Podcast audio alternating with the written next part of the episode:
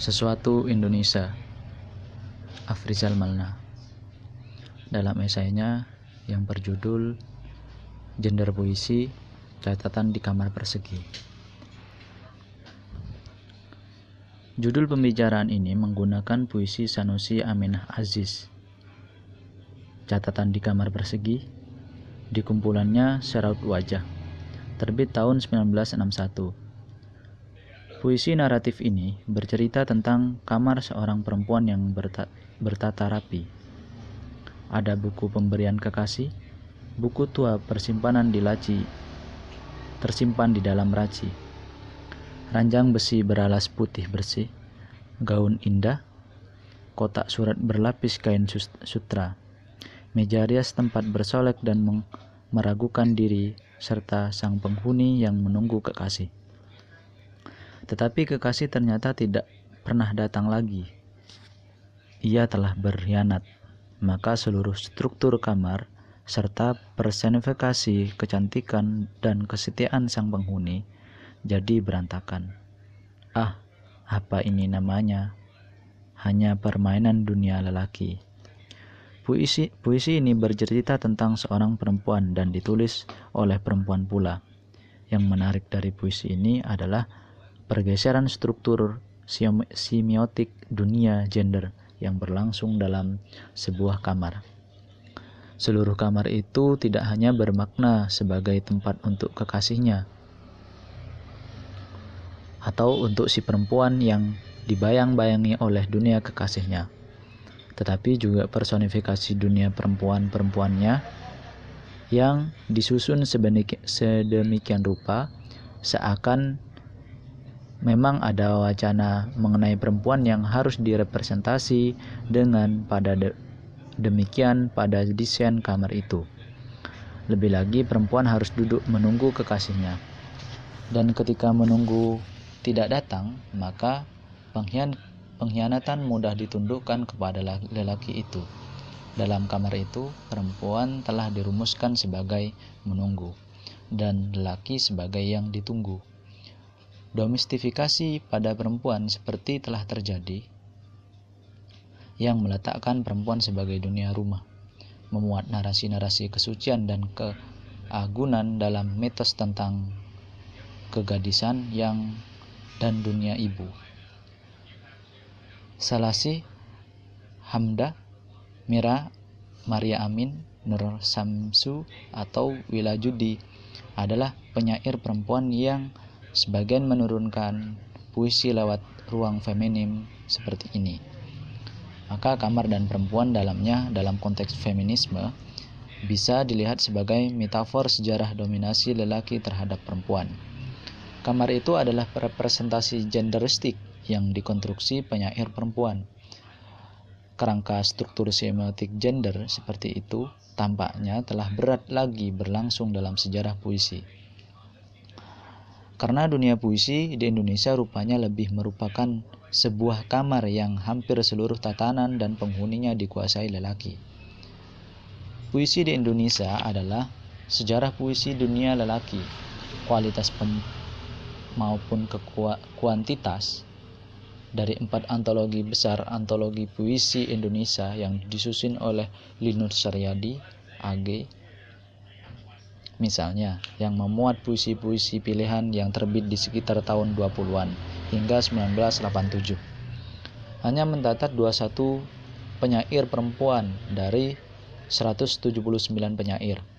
Jumlah yang kini makin banyak bisa ditambah sekitar 10 sampai 15 penyair perempuan.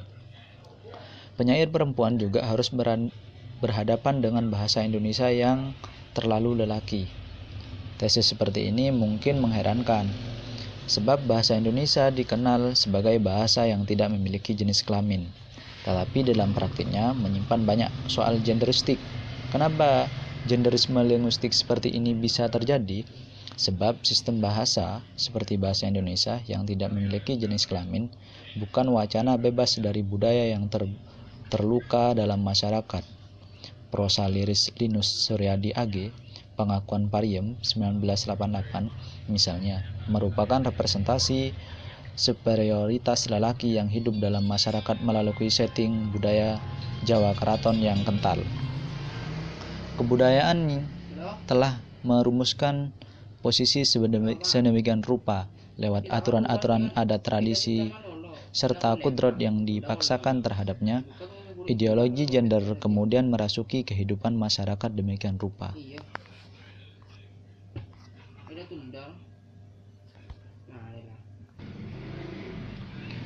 Chris Budiman pernah memperlihatkan sejumlah diksi sebagai bentuk diskriminasi seksual pada bahasa. Diksi-diksi untuk diperpredikat peran-peran besar misalnya sangat sedikit memperlihatkan pasangan feminisme dalam pahlawan dalam kurung tanpa pahlawati, budayawan tanpa budayawati, dan seterusnya. Pada bangsawan atau hartawan, begitu juga predikat lembut, setia, seksi, atau racun dunia memenuhi dunia perempuan. Sementara lelaki, gajah, jantan, agresif, rasional, kasar, atau pengkhianat. Perempuan dianggap tidak layak untuk mencium, meraba, membelai, atau memeluk melainkan dicium, diraba, belai, dan dipeluk. Lingkungan teks perempuan seperti melalui uh, at, perempuan seperti melulu dibangun lewat peran-peran yang pasif. Lewat prosedur linguistik seperti itulah bahasa Indonesia mengalami genderisasi yang pada gilirannya ikut ber, merekonstruksi berlakunya lingkungan teks yang dianggap feminim dan maskulin ke dalam dunia sastra. Generalisasi genderisasi yang berlangsung dalam dunia sastra pernah diidentifikasi oleh Dorte Rosa Herleni seperti ini dalam karya sastra Indonesia sosok perempuan yang sering kali muncul sebagai simbol kehalusan sesuatu yang bergerak lamban bahkan kadang berhenti. Perempuan begitu dekat dengan idiom-idiom seperti keterkungkungan, ketertindasan. Sejumlah novel disebut Dorothea Dorothea untuk mendukung tesisnya. Satu-satunya antologi puisi perempuan Seserpih Pinang Sepucuk Sirih Bunga Rampai Punya Wanita yang disusun oleh T. Hareti sebagai editor 1979. Sebagai besar representasi pendapat Rodote, Dorute di atas, wilayah teks yang jadi sumber ungkapan mereka sebagian besar cenderung memperlihatkan persepsi ruang yang terbatas. Kehidupan seperti ini hanya berlangsung di dalam kamar atau di dalam pakaian Peran domestik yang banyak dijalankan perempuan rupanya berpengaruh besar dalam pembentukan persepsi ruang terbatas ini. Idiom-idiom yang digunakan berkisar di sekitar pohon, bunga, langit, malam, ibu, anak, atau perpisahan. Walaupun TOT-HRT ber, berusaha meluaskan wilayah, wilayah teks mereka dengan menempatkannya ke dalam ke kategorisasi narasi-narasi besar seperti alam dan manusia, manusia dan masyarakat, pria dan wanita, cinta dan kematian, transendensi dan harapan, imanensi dan keterbatasan, rekaman kesan, dan komunikasi. Kategoris, kategorisasi yang terlalu bersifat formal akhirnya memang tidak banyak menolong, malah seperti dipaksakan namun, lewat persepsi ruang yang terbatas itu pula membuat puisi mereka tampil jernih, sederhana, dan tak banyak menciptakan sampiran yang kompleks. Dinamika lebih banyak muncul pada puisi-puisi S. Rukiah dalam kurung walaupun Rukiah banyak mengemukakan ke, kemurum, kemuraman. Tete Harte, Isma Sawitri atau Popi Hutag Huta Galung. Beberapa puisi perempuan dalam pembicaraan ini juga memperlihatkan hal yang serupa. Perempuan itu tidak hanya menik hanya menempat, menempati peran-peran subordinasi, tetapi juga merupakan sebuah pertanyaan.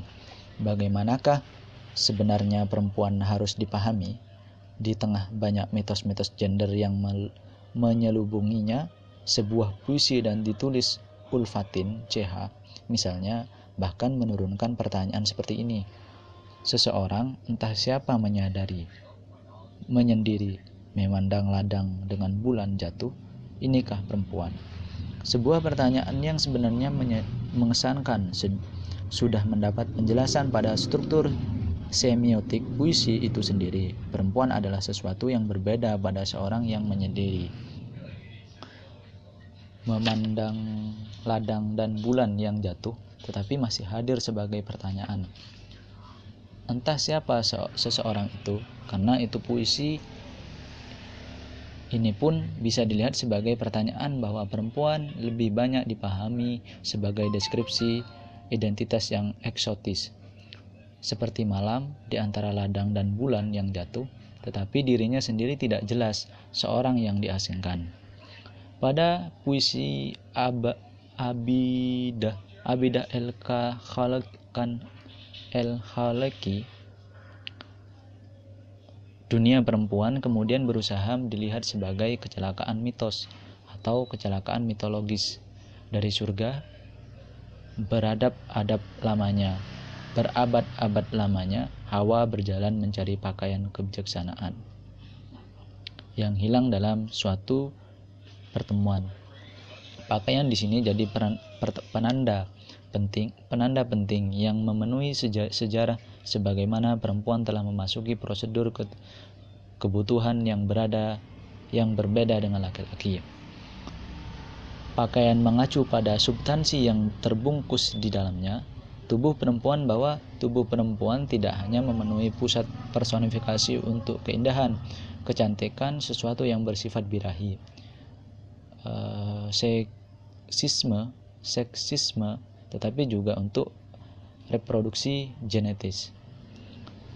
Ada kebudayaan tersendiri yang diturunkan dari tubuh perempuan yang oleh feminisme justru dianggap sebagai praktik dan dari eksploitasi laki-laki terhadap perempuan. Pakaian untuk tubuh perempuan adalah wacana dari konflik gender itu sendiri.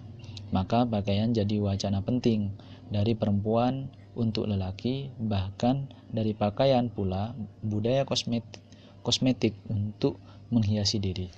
Wacana mengenai kepalsuan diturunkan sejak pulasan hidup karya S. Rukiah memperlihatkan hal ini. Titik 2. Depan cermin berdiri aku menghias rupa. Senyumun di bibir membunga cinta. Di bawah listrik yang menyorot 40 watt. Lambang dunia pulasan hidup memalsu dari semata. Sementara itu, ada kenyataan pula lain pula untuk melihat konflik gender tidak semata-mata diturunkan dari adanya distribusi peran yang tidak adil antara laki-laki perempuan melainkan juga antara sama-sama perempuan. Puisi Cocktail Party, TUTHT menurunkan perempuan dalam konflik ini sebagai meluruskan kain baju dahulu, meletakkan lekat sanggul rapi, lembut ikal rambut di, di dahi, pertarungan dimulai. Pertarungan dimulai lewat penataan pakaian dan dandanan, kecantikan dalam struktur struktur semiotik seperti ini hanya merupakan personifikasi dari keindahan perempuan, melainkan juga sebagai personifikasi adalah adanya persimpangan di antara sesama perempuan untuk untuk memancing atau memenuhi keterpikatan lelaki terhadapnya. Sebagaimana Siti Nur Noraini juga pernah menulis puisi seperti ini. Sekalian ucapan telah kuberi bingkai, jerat muslihat sebanyak rambut terurai di tiap lipatan gaung bersembunyi isyarat.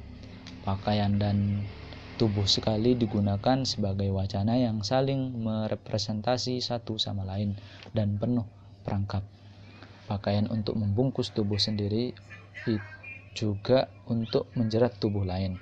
Sebagai bagian mekanisme peran ganda yang dijalankan perempuan, jika personifikasi seperti ini yang hidup dalam kamar puisi Sanusi Aminah Aziz pada awal pembicaraan ini, maka desain struktur semiotik gendernya mungkin jadi lain. Perempuan adalah pakaian yang bersiasat penuh kode yang berlaku lewat sistem semiotik sendiri. Tetapi kenapa siasat harus dijalankan bila tidak berada dalam keadaan yang mengecam? Dalam konteks kecelakaan mitologis seperti ditanyakan Abadi El Kholiki Kholiki lewat kutipan puisinya di atas. Hawa mungkin memang harus menerima risikonya lewat mitos perempuan tidak hanya sebagai godaan tapi juga sebagai makhluk yang mudah tergoda. Hilangnya pakaian kebijaksanaan dalam sebuah pertemuan seperti dinyatakan sejak abad Abidah tersebut kecelakaan ini rupanya berakibat fatal. Seperti Rita Otoro penulis puisi seperti teman Edan yang tersisa saja apel pertama dipetik kini sebuah generasi tua dan caci maki keluarga.